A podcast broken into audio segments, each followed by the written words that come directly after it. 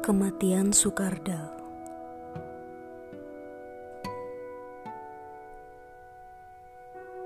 Sukardal 53 Tukang becak mati gantung diri.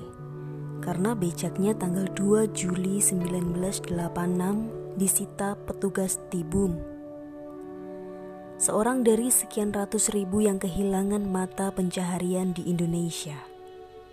Ia mati Tapi tidak membisu Sukardal menggantung diri pada umurnya yang ke-53. Tukang becak tua ini kehilangan becaknya pada tanggal 2 Juli 1986 malam di sebuah perempatan kota Bandung.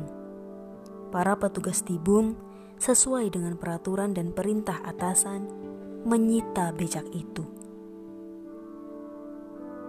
Kasihan kata sebagian orang.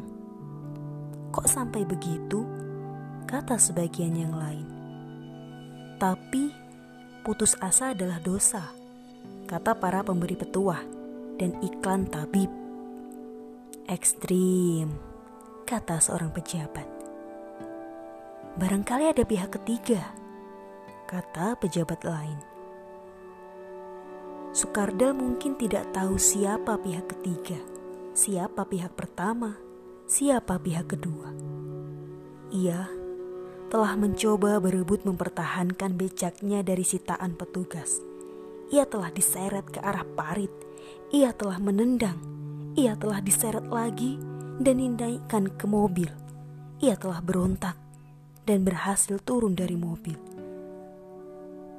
Tapi ia melihat becaknya telah diangkut truk. Ia melihat sumber hidupnya terbang maka ia kembali meloncat ke arah mobil tibum yang berjalan. Ia menggandul pada mobil itu dan berteriak-teriak, "Saya mau bunuh diri! Saya mau bunuh diri!" Dan benar, Sukardal kemudian menggantung diri di sebuah pohon tanjung di depan sebuah rumah di Jalan Ternate. Kasihan, kata sebagian orang. Kok sampai begitu? kata sebagian lain.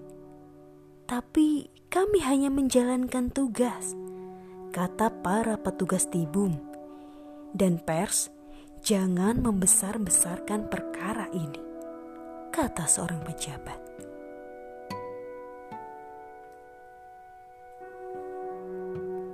Apa yang besar sebenarnya? Apa yang kecil? Satu dari 18.000 becak di kota Bandung adalah soal kecil. Seorang dari sekian ratus ribu orang yang kehilangan mata pencaharian di Indonesia kini adalah soal kecil. Lagi pula, pada satu pada saat satu Sukardal mati di sebuah sudut satu jenius yang sama hebat dengan Habibi, mungkin baru lahir di sudut tanah air yang lain. Penderitaan manusia adalah ombak yang tak bisa dielakkan dari sejarah sebuah bangsa. Penderitaan manusia. Beberapa saat sebelum mati, Sukardal menulis sepucuk surat wasiat. Ia bicara kepada anaknya yang sulung. Yani, adikmu kirimkan ke Jawa. Bapak sudah tidak sanggup hidup. Mayatku supaya dikuburkan di sisi emakmu dan Yani 22 tahun yang bersama tiga adiknya yang kecil-kecil tinggal di sebuah bilik 4 kali 4 meter yang disewa. Tak sanggup. Wasiat itu terlalu berat. Mengirimkan jenazah ke Majalengka dari Bandung bagi mereka bukan perkara kecil. Apa yang kecil sebenarnya? Apa yang besar? seorang bapak yang selama ini sendirian merawat anak-anaknya dan jarang marah adalah sesuatu yang besar bagi anak-anak itu. Sebuah becak yang seharga 50 ribu dan baru saja lunas dicicil adalah sesuatu yang besar bagi keluarga itu. Satu dari setengah meter dari pohon tempat Sukardal mati ada tembok. Di sana tertulis kemudian dihapus oleh petugas kepolisian. Saya gantung diri karena becak saya dibawa anjing tibung. Becak saya, kata Sukardal, ada kebanggaan memiliki, ada rasa marah karena sebuah hak direbut, ada makian, Huruf-huruf itu memprotes dan sekaligus putus asa. Dengan kata lain, sebuah perkara besar karena ia justru terbit pada seorang yang begitu kecil. Orang yang kecil adalah yang memprotes dengan keyakinan tipis bahwa protes itu akan didengar dan karena itu teriaknya sampai ke liang lahat. Seperti sebuah sajak ditulis oleh seorang penduduk Sisibu di sebelah barat Tokyo ketika Jepang belum lagi kaya di akhir abad lalu. Setelah petani-petani miskin mencoba berontak di tahun 1884 dan kalah dan terkubur.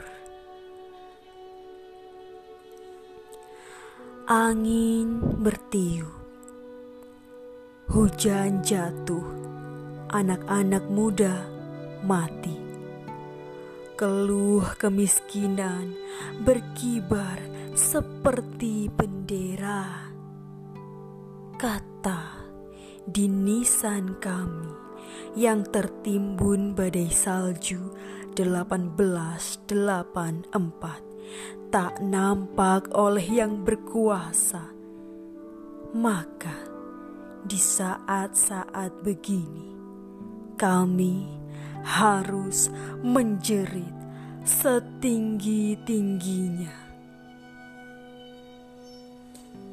Sukardal juga sebenarnya mencoba menjerit tinggi-tinggi. Kalau betul-betul negara hukum, Tibung harus diusut. Tulis tukang becak itu sebelum ia mati pada tembok. Dia bilang, kalau betul-betul dia tidak bilang karena ini negara hukum. Sukardal meminta dengan leher terjirat dan nyawa melesat dan itu berarti dengan keras karena ia sesungguhnya tak begitu yakin. Bagaimana ia bisa yakin? Ia pasti tahu ia bukan termasuk mereka yang bisa menang. Ia bahkan mungkin tak termasuk mereka yang pernah menang. Orang kecil adalah orang yang pada akhirnya terlalu sering kalah. Sukardal telah lewat setengah abad, sudah teramat tua untuk memilih kehidupan lain, terlampau tua untuk berontak. Tapi ia yang tamat sekolah menengah, yang datang dari sebuah kampung di Jogja dan berdagang kecil di Jakarta, toh masih merasa perlu menuliskan pesannya. Ia mati ia mati dan ia tidak membisu. Dan hidup kita, kata seorang arif bijaksana, terbuat dari kematian orang-orang lain yang tidak membisu. Ditulis pada majalah Tempo edisi 21, 19 hingga 25 Juli 1986. Gunawan Muhammad. Saya Rizka Hidayatul Umami. Salam.